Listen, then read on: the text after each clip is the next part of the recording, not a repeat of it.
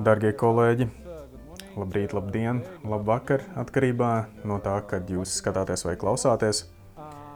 Es jūs sveicu jaunākajā 2021. gada Rīgas drošības foruma sērijā. Mans vārds ir Kārlis Bukovskis, esmu pētnieks un Latvijas ārpolitikas institūta vadītāja vietnieks, un man ir tas gods vadīt virtuālo podkāstu pasākumu šodien. Šodien mums ir diskusija par Eiropas ārpolitiku un drošības politiku, izaicinājumiem un jaunumiem. Mums ir uh, spēcīga, uh, lieliska pētniece, uh, eksperte, kas atbildēs uz maniem iespējams dažiem arī āķīgākiem un mazāk āķīgiem jautājumiem. Sandra Dieša Fernandeša no Miņo Universitātes Brāgā, Portugālē, un viņa ir arī pētniece pētījumu institūtā. Sandra, paldies, ka piekritāt būt ar mums šodien.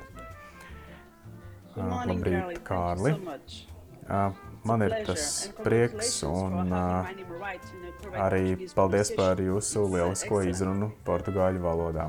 Es arī vakar jau patrenējos nedaudz. Tajā, Sandra, sāksim uzreiz ar jautājumiem, kas šobrīd ir dienas kārtībā. Aktuālākie, ja runājam par Portugāli, par Baltijas valstīm, Tās ir nelielas valstis, kas mums ir kopīgs un kā mēs, kā ietekmē mūsu mm, ārpolitika un kā mēs paužam sevi mm, tādā plašākā Eiropas ārpolitikas ietvarā. Ir diezgan interesanti, ka mēs šodien sēžam Latvija, Portugāla, tās ir tātad pašas malas Eiropas Savienībai. Uh, un tas ir interesanti, ka mēs sēžam un diskutējam kopā. Mēs uh, redzam, ka uh, esam tālu viens no otra, bet mums ir arī ļoti daudz kopīga. Mums ir kopīgs tas, ka ģeopolitiski mēs esam Atlantijas aliansē un Mēs izjūtam arī um, Brexit sekas, būdami Eiropas Savienības un NATO dalībvalstis. Tāpēc sākumā es teiktu, ka šīm nelielajām perifērijas valstīm, Portugāla, Latvija, kaut arī dažādas ir šīs intereses, tomēr mums ir kopējas intereses uh, uzturēt drošības uh, un aizsardzības politiku Eiropas Savienības un NATO līmenī, lai tā stiprinātos. Jo nekas netiek garantēts, arī paskatīsimies to, kas ir noticis Austrālijā nesen. Tad, tātad valstīm ir grūti noturēt, būt dinamiskām plašākā, plašākā kontekstā, ārpolitikā. Un tas tad arī būtu tas kopīgais, bet, protams, mēs varam runāt arī par mazāk kopīgām lietām vai to, kas mums ir atšķirīgs. Lielākā daļa Eiropas Savienības valstu ir nelielas ikdienas dzīvē. Mēs arī to izjūtam. Mums ir dažādas intereses, mums ir dažāda pieeja lietām. Cik tālu tas ir, cik daudz mēs vispār varam atļauties par globālajiem procesiem izteikties atšķirīgi. Tā teikt, kā jūs teiktu, kur mums fundamentāli būtu jāpiekrīt vienam otram un kas būtu šīs kopīgās sarkanās līnijas visām uh, nelielajām dalībvalstīm. Es domāju, ka šobrīd mēs tieši pieredzam pasaules politikā svarīgas izmaiņas. Distancēšanās un konfrontēšana pret Krieviju. Mēs runājam par to, ka mēs esam visi kopā, mēs esam Eiropa, tas ir mūsu lielais kaimiņš. Un konstruktīvi savu aizsardzības interesu vārdā mēs arī rīkojamies. Arī pārēja Izmaiņas notiek ASV, kur uh, aizvien vairāk runā par savām interesēm. Tāpēc šī darba kārtība uh, nelielās dalībvalstīs, kas tātad uh, ir ap, apvienojušās savienībās ar lielākām dalībvalstīm, uh, Un šobrīd arī mēs saprotam, skatoties vēsturē, ka tieši lielās dalībvalstis ir bijušas tās, kuras ir izraisījušas vairāk varbūt konfliktus. Tāpēc centieni mm, aizvien vairāk apvienoties. Šobrīd ir īpaši svarīgi, piemēram, sankcijas un tas, ka mēs visi esam vienoti par to, un tas, ka Eiropas Savienība ir spējusi uh, norādīt uh, uz Krievijas lēmumiem un politikām. Protams, mēs varam arī kritizēt to, mēs varam teikt, kas tad, kāda ir šo sankciju ietekme, bet šobrīd tas nozīmē, ka, mēs, ka mums ir kopīga sapratne. Tā ir strateģiska domāšana. Tas ir solis šajā virzienā. Un runājot par strateģisko partnerību, sadarbību un savienībām Baltijas valstīm un Portugālei, ir viens lielāks partneris mums abiem kopīgs, tas ir ASV un mūsu transatlantiskās saiknes. Kā jūs pirmkārt aprakstītu to, kāpēc esam tik uh, kopīgi savās interesēs, gan Portugāla, gan Baltijas valstis, ja mēs tad runājam par to, ka mēs esam perifērijā un dažādās tās pusēs, Un tomēr mums ir kopīgas tās intereses, un mēs esam kopīgi, esam partneri ar ASV. Un otrkārt, mums ir arī vēl kāds partneris, kaut arī tas jau ir bijis gadsimtiem ilgi. Portugālei, bet Baltijas valstīm tas bija svarīgs, kad mēs atguvām neatkarību, un es runāju, protams, par apvienoto karalisti, par Lielbritāniju un tagad arī Brexit kontekstā. Zaudēt apvienoto karalisti kā partneri Eiropas Savienībā, tad kā tam būtu jāietekmē un kā tas ir ietekmējis mūsu kopējo drošības politiku, bāžas varbūt kaut kādas? Es teikšu tā, ka Portugāles nacionālās intereses tas ir satricinājis ļoti. Portugāle nav ieinteresēta tajā, lai zaudētu šo spēcīgo partnerību un saikni. Mums ir jāsaprot, ka tagad esam bez tā, tā nav jāizvieto, bet mēs nedrīkstam zaudēt strateģisko partnerību ar varām, kas ir jūrā, starp valstīm, kuras ir pie jūras, no klasiskā viedokļa. Bet tātad, ja mēs runājam par kopīgo starp Latviju, Portugāli un mūsu partneru attiecībām, ir vajadzība apzināties Eiropas kontinentālās, kontinentālos spēkus. Tas mums, mazām valstīm, ir ļoti svarīgi progresēt savā ārpolitikā un attīstīt savas ārpolitiskās intereses. Un tas tā ir bijis vēsturiski, un arī šobrīd tas palīdz mūsu nelielo valstu identitātes saglabāšanai. Brexit aizsardzības jautājumu ziņā ir bijis ļoti problemātisks, jo kopš 90. gadiem Maastrichtas līguma tas, ko mēs darām, apvienotās karalistes un Francijas partnerība, kas ir pats kodols. Un kas ir atlicis pēc tātad Brexit, ir tas, ka mēs paļaujamies vairāk un pievēršamies vairāk Vācijai un un, un arī mazāku valstu loma ir svarīgāka. To mēs redzam arī uh, darbībās,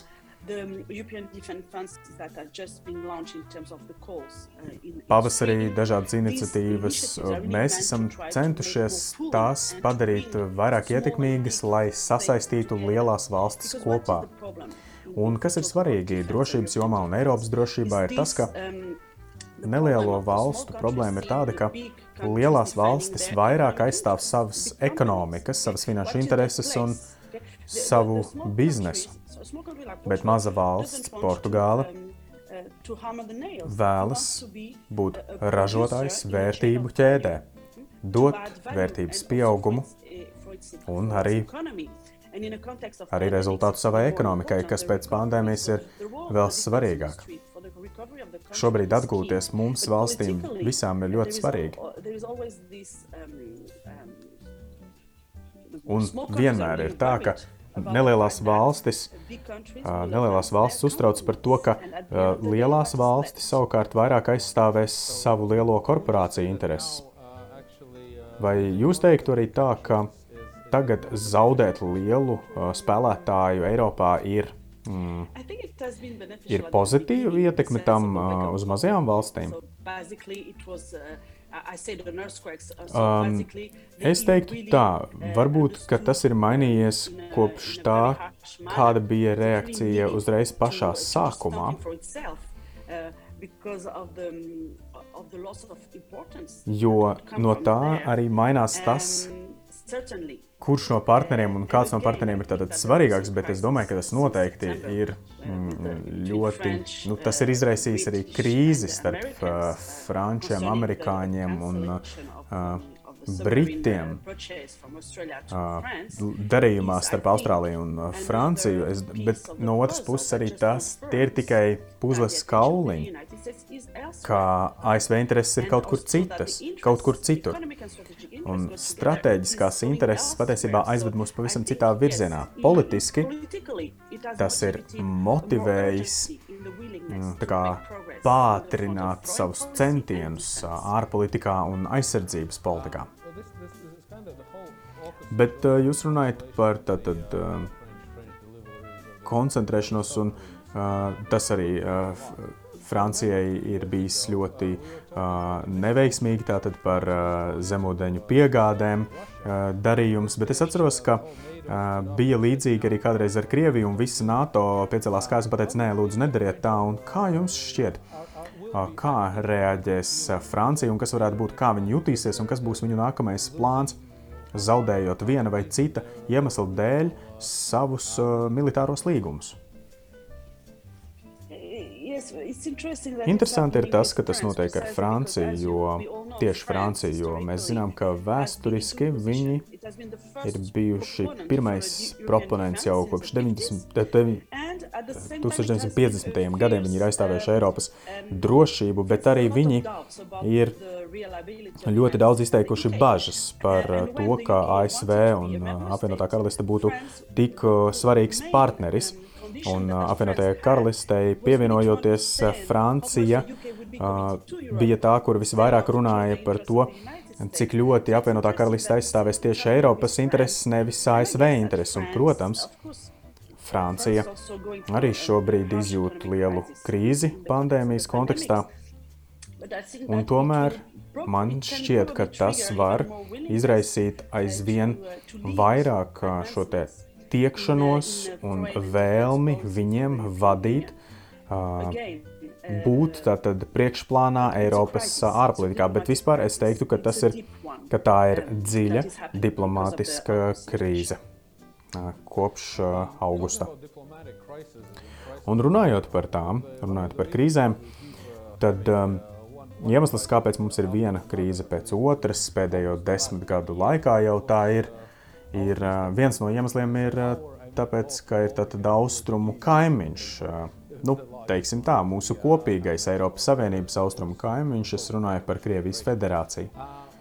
Kā jūs aprakstītu Baltijas pozīcijas? Tad ir, mēs esam ļoti tuvu Krievijai, mēs saprotam, tad redzam viņus. Mēs, no, no mūsu puses mēs savas savu neatkarību gribam aizstāvēt un vienmēr par to iestājamies. Bet kā būtu, kā tas izskatās no Portugāles skatu punkta, jo jūs tātad ne, neatrodaties tik tuvu pie robežas ar austrumu kaimiņu? Jums ir pilnīgi taisnība. Krievija neatrodas mūsu geogrāfijā. Geogrāfisks intereses tur nav. Bet, noslēdzot padomus prezidentūru, Portugāle, tātad noslēdzot pirmajā semestrī šajā gadā, mēs strādājām pie politikas attiecībā uz Krieviju un, un prezidentūras beigās bija dažādi pasākumi. Un pirmo reizi vairāku gadu laikā Lavrova kungs, ārlietu ministrs pieņēma uzaicinājumu ierasties, un, un tas diezgan daudz ko pasaka par mūsu attiecībām ar Krieviju. Mums ir labas attiecības ar Krieviju, jo tātad viņš pieņem šo uzaicinājumu, un tas varētu kļūt par diplomātisku tiltu uz globāli, uz visu pasauli. Ķīna, starp tātad Ķīnu vai Krieviju un uh, Un Portugāla spēlē šo solidaritātes karti, kārti. Tas nozīmē, ka mēs saprotam, ka mēs varam darīt vairāk. Un tas nozīmē, ka Portugālei ar Krieviju nav nekādu problēmu. Patiesībā Portugāla būtu pat vēl interesēta veicināt un paplašināt attiecības ar Krieviju. Un solidaritāte tas nozīmē, ka mēs saprotam, ka citiem ar viņiem ir lielākas problēmas, piemēram, Baltijas valstīm. Un Portugāla, protams, atbalsta sankcijas. Un tieši tāda ir Portugāles pozīcija. Un no tās puses, piemēram, Portugāla arī sagaida, ka tādas valstis kā Latvija uh, Uh, Latvija tātad iesaistīties uh, interešu, Portugāles interešu aizstāvībā Āfrikā, piemēram. Tā būtu solidaritāte no Latvijas puses. Tātad geogrāfijas ir dažādas, un Portugāle gribētu redzēt uh, tuvošanos arī no Latvijas puses jautājumos, kas ir svarīgi Portugālē. Portugāla nav bijusi to valstu vidū, kur krīzes ir aizsākušās, vai varbūt konkrētās vietās, kur migranti ir centušies iekļūt, piemēram, Eiropas Savienībā, bet nākotnē tas tā varētu būt. Tā, tā tiešām var notikt. Ja mēs runājam, piemēram, ar, par attiecībām ar Baltkrieviju, mēs redzam šādas situācijas. Arī mēs varam Varam paredzēt, ka tas var notikt arī uz mūsu robežas. Tas, protams, ir bijis vairāk Spānijā, Grieķijā un citur, bet tāpēc, un līdz ar to, kā minēja, tad Portugāla arī atbalsta visus Eiropas Savienības kopējos centienus, bet arī Portugāla sagaida lielāku solidaritāti savos uh, jautājumos, jautājumos, kuros mums ir lielāka interesētība. Tātad mums visiem ir jāpaturprātā, ka solidaritāte nav vienvirziena process pievēršamies otram jautājumam, kuram es uh, gribētu pievērsties šodien no kopumā trim. Tas ir tātad uh, tikšana galā ar Krieviju, ko, jau, ko mēs jau vairākas reizes pieminējām. Krievija Eiropas Savienībai un daudzām uh, dalību valstīm un rietumu valstīs kopumā, rietumu valstīm kopumā, tā ir tātad um, kļuvusi no drauga uz tādu kā vairāk ienaidnieku, Mēs runājam par Krimas okupāciju, iebrukumu Ukrainā, nu, kas, protams, neveicina nekādas attiecību uzlabošanos, bet kā jūs skaidrotu vai kā jūs aprakstītu tātad sadarbību vai kontaktu pēdējo desmit gadu laikā starp Rietumu valstīm un Krieviju un kas šobrīd notiek ar to? Es teiktu, ka no rietumu skatu punkta mēs gadiem ilgi um, mānījām sevi. Uh, mums bija tādas uh, liberālas idejas, ka uh, starp dažādām institūcijām un organizācijām mēs varēsim demokratizēt Krieviju un tuvoties uh, tai, viņu tuvināt mums un uh, attīstīt mūsu kopējās intereses. Taču izrādījās, ka uh, rezultātu tas nav devis. Un jautājums, ja ļausiet pārfrāzēt, būtu, kas tad īsti notika, kas nogāja greizi. Pat NATO līmenī mums tad ir pārstāvniecība, kas īsti ir noticis.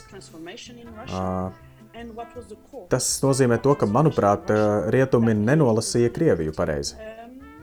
Man šķiet, ka rietumi neredzēja pār Krievijas izmaiņas Krievijā un to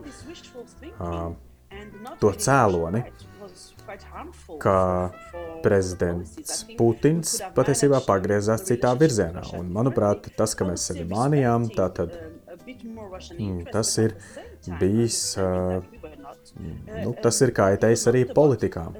Man šķiet, ka mums vajadzēja citādāk izturēties pret Krieviju, vairāk, varbūt vairāk tās respektēt viņu intereses, bet tajā pašā laikā saprotot, ka runa nav par sadarbību un izmaiņām. Šeit nebija runas tādas, jo, jo jau no paša sākuma izrādās tāda nodoma nemaz nav bijis.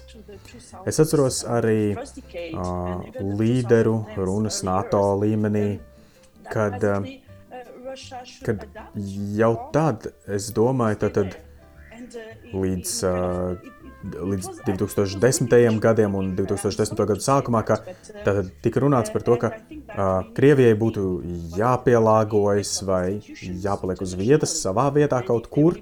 Uh, nu, man šķiet, ka mēs visi tā cerējām, ka tas viss tiek saprasts kopēji uh, institūciju līmenī, starptautiski vai tiešām uh, Es domāju, ka mums tajā laikā vajadzēja jau domāt citādāk. Es domāju, ka šodien tieši ir nepieciešama radoša politika. Tad cik tālu es sapratu, vai ja es sapratu pareizi, rietumiem bija ekspektācijas pret Krieviju, par to, kādas būs ar viņiem attiecības no rietumu puses. Bet vai mēs varam tātad paskatīties no Krievijas perspektīvas? Kā jūs redzat, kāpēc viņi, nu, kāpēc viņi tieši tā rīkojās savā ārpolitikā un savā drošības politikā pēdējo, nu, teiksim, septiņu līdz desmit gadu laikā? Vai jūs teiktu, ka arī Krievija ir vīlusies attiecībās ar rietumiem, vai kaut kas nenostrādāja, vai varbūt ir kāda cita, kāds cits skatījums uz problēmu?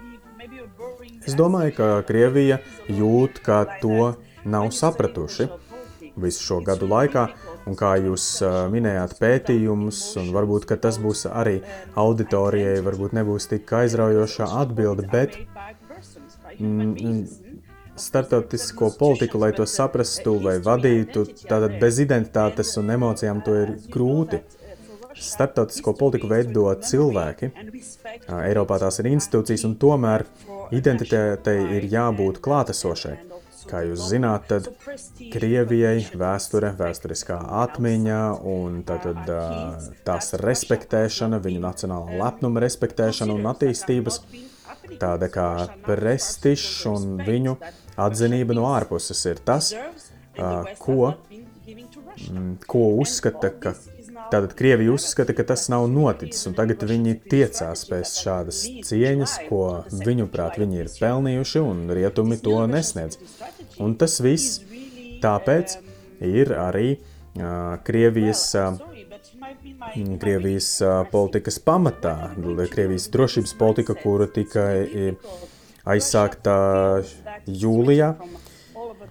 Uh, tik tiešām, es atvainojos, bet tas ir depresīvi. Ko mēs varam darīt ar šādu viedokli? Tas ir sarežģīti. Krievija uzskata, ka visi apkārt to apdraud. Un tāpēc, un tāpēc nav pilnīgi kādu šobrīd uh, atsauču punktu, kur meklē šo komunikāciju. Krievija aizsargājas un, un aizslēdz. Viņi arī uh, liberālās vērtības, ko viņi, ta, kad, kas arī ir tāds kā pīlārs tradicionālajām vērtībām, viņiem arī ir jāaizsargājas pret tām. Tāpēc uh, tāda nu ir situācija, un tā ir visai nopietna. Jo tā ir situācija ar nerespektētām jūtām, kas, protams, vēl papildinās ar finanšu interesēm, politiku, un tas ir Tas ir tas, kā es teiktu. Sakot jūsu pašas vārdiem, un lai mēs tātad saprastos labāk, varbūt vai saprotam jūs, Krievijas drošības stratēģija, jūs uztraucaties, ka tā ir depresīva vai tā ir konfrontējoša? Tā ir depresīva man, un tā ir konfrontējoša uh, Krieviem, jo man ir depresīvi, jo es gribu redzēt vairāk stabilitātes kontinentā, arī labākas attiecības ar Krieviju, jo mums jau patiesībā arī nav alternatīvu, tāpēc ka viņi ir mūsu kaimiņi, tāpēc man tas ir depresīvi, kā analītiķim, kā lasītājam. Tas parāda, cik ļoti mēs viens no otra attālināmies, būdami tomēr vienā pasaules daļā un kontinentā. Bet izskatās, ka Krievija ir optimistiska par kādu citu valstu konfrontēšanu pasaulē. Redziet, tā varētu būt jūsu interpretācija šajā jautājumā vai daudzos citos, bet fakts ir tāds, ka dokuments tik tiešām ir konfrontējošs. Par to nu, mēs nevaram nekādi šaubīties. Tagad viņi aizstāv sevi, redz sevi kā tie, kas aizstāvs no aizstāvs pret ASV un viņu partneriem. Un tagad pievērsīsimies trešajam jautājumam - stratēģiskajai Eiropas autonomijai. Ja mēs tātad runājam, Krievija ir konfrontējuša, tā skatās uz iekšpusi, uz sevi, un Krievija jūtas tā, it kā tai ir jāizstāvas pret visiem pārējiem, tad Eiropas strateģiskā autonomija. Vai tas jau nesāk atgādināt tādu pasauli un tādu pasaules pozīciju par tātad, nu kā tas ir Eiropas drošības kontekstā visā pasaulē. Par ko vispār ir, kā jūs teiktu, Eiropas strateģiska autonomija? Es domāju, ka pavisam drīz, janvārī, nākamā gada sākumā, mēs noskaidrosim to, ka mums tā tad ir strateģiskais kompass, ko pagājušā gadā aizsāka Vācijas prezidentūra, un publiski tas ir jā, jāprezentē nākamā gada sākumā. Kārli, jūsu jautājums ir ļoti svarīgs. Stratēģija ir ārpolitikā identificēt kas ir apdraudējums, kāda ir strateģiskā vide un kāda ir mērķi. Tātad stratēģijas mērķis ir kalpot politikai, ārpolitikai. Un man, diemžēl, jāsaka, ka, kā mēs redzam, šobrīd ir ļoti grūti, un pandēmija arī to ir pierādījusi, ka ir ļoti grūti, jo mums nav pietiekami nav pietiekami definēts, kāda ir mūsu prioritāte un, un, un apdraudējums. Eiropas Savienība nav viena valsts. Tas ir viens um, spēlētājs. Un kas būs šie kopējie punkti? Ir ļoti daudz uh, darba vēl jāveic tajā kontekstā, ka šis mērķis iespējams ir tāds plūstošs. Apvienotā karaliste ASV arī pārpozicionē sevi. Nav vairs tik cieši, varbūt Eiropas Savienībai, un Eiropas Savienībai tas ir grūti attiecībā uz kādām ārējām darbībām.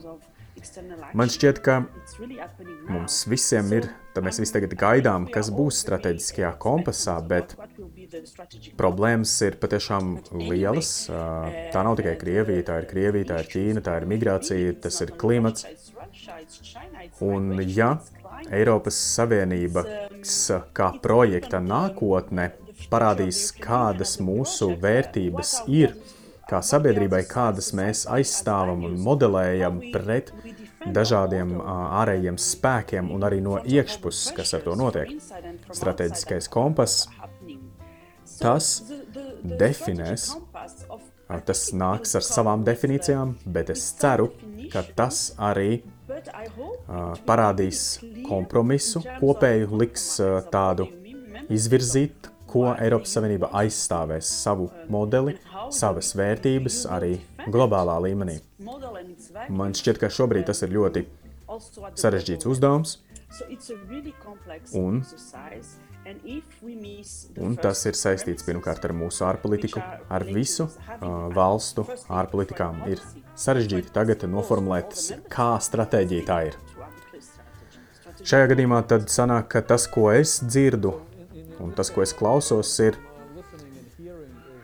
Tātad mēs, ja reiz Krievija sevi pasargā no ārējas ietekmes, un viņi ir pārgājuši tātad, tādā virzienā pēdējo desmit gadu laikā, tad sanāk, ka arī Eiropas Savienība līdzīgi, jo īpaši pēdējās administrācijas laikā ASV, Ķīna un citas problēmas, kas ir bijušas, tad sanāk, ka šobrīd Eiropas Savienība arī skatās jau uz sevi, uz iekšpusi, tā kļūst aizvien piesardzīgāka un pati aizvien vairāk saprot savus kādus trūkumus un, un, un vājās vietas. Tas nozīmē, ka mūsu drošības un ārpolitika ir mainījusies no būt atvērtiem uz visu pasauli, uz vairāk izpratni par to, ka mums sevi ir jāpasargā un jāskatās iekšpusē, un veidojot, un būvējot un attīstot to, ko reiz nodefinējām kā kopēju vienotu Eiropu. Esmu eiro optimiste. Uh, un atļaušos nepiekrist tajā, ka Mm. Ekonomiskā krīze, pandēmija, finanšu krīze, tas ir, um, ir radījis uh, apdraudējumu tādā veidā, ka tātad ir apdraudējis mūsu resursu ieguves iespējas.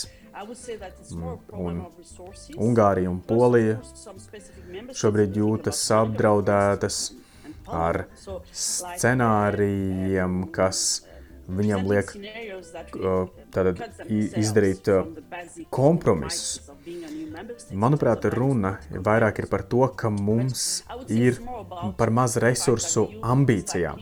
Es neteiktu, ka ambīciju nav, bet, un es arī neteiktu, ka mēs ieslēdzamies, piemēram, klimata pārmaiņu samits. Uh, Eiropas Savienība ir globāls līderis klimata pārmaiņu jomā, un uh, darba kārtība šobrīd to ir dzirdējuši un uztvēruši visā pasaulē. Pasaules tirdzniecības organizācija fakts, ka arī Eiropas Savienība tur uh, pilnā kapacitātē rīkojas kā, kā biedrs. Tātad, un arī es būtu optimistiskāk. Es teiktu, ka, es teiktu, ka šeit vienkārši trūkst resursu. To es, uz to es noveltu vainu. Tātad mūsu val, dalību valstīm ir jāpaskatās uz mūsu perspektīvām, un visas dalībvalstis saprot, ka kopā strādāt ir labāk nekā nacionālā līmenī. Es domāju, ka tieši to arī ir atspoguļojušas un parādījušas krīzes. Krīzes ir cementējušas un spēcinājušas Eiropas Savienību, nevis grāvušas uh, to Eiropas Savienības kopību. Es domāju, ka kopīga rīcība Eiropas Savienības līmenī ir veiksmīgāka, ir labāka. Ar šo pozitīvo komentāru es pat domāju, ka mums ir vēl vairāk šādu, ar ko dalīties ar pozitīvām domām par Eiropu un ārpolitikas jautājumos. Es domāju, ka tas viss vienā punktā sajies strateģiskajā kompasā, kad mēs redzēsim Eiropas Savienības lēmumu pieņemšanas rezultātu. Tas ietekmēs pozitīvi mūsu dzīves. Ar, un ar tieši tādu pašu pozitīvu skatu nākotnē arī es skatos. Sandra Dieša Fernandeša, paldies! Tas bija tik tiešām gods vadīt diskusiju Rīgas drošības fóruma mm, kārtējā epizodē. Es jums vēlu visu to labāko, visu to labāko Eiropas uh, Savienībai un tās ārpolitikai un drošības politikai, un es arī uh, nepacietīgi gaidīšu iespēju strādāt un sadarboties ar jums vēl.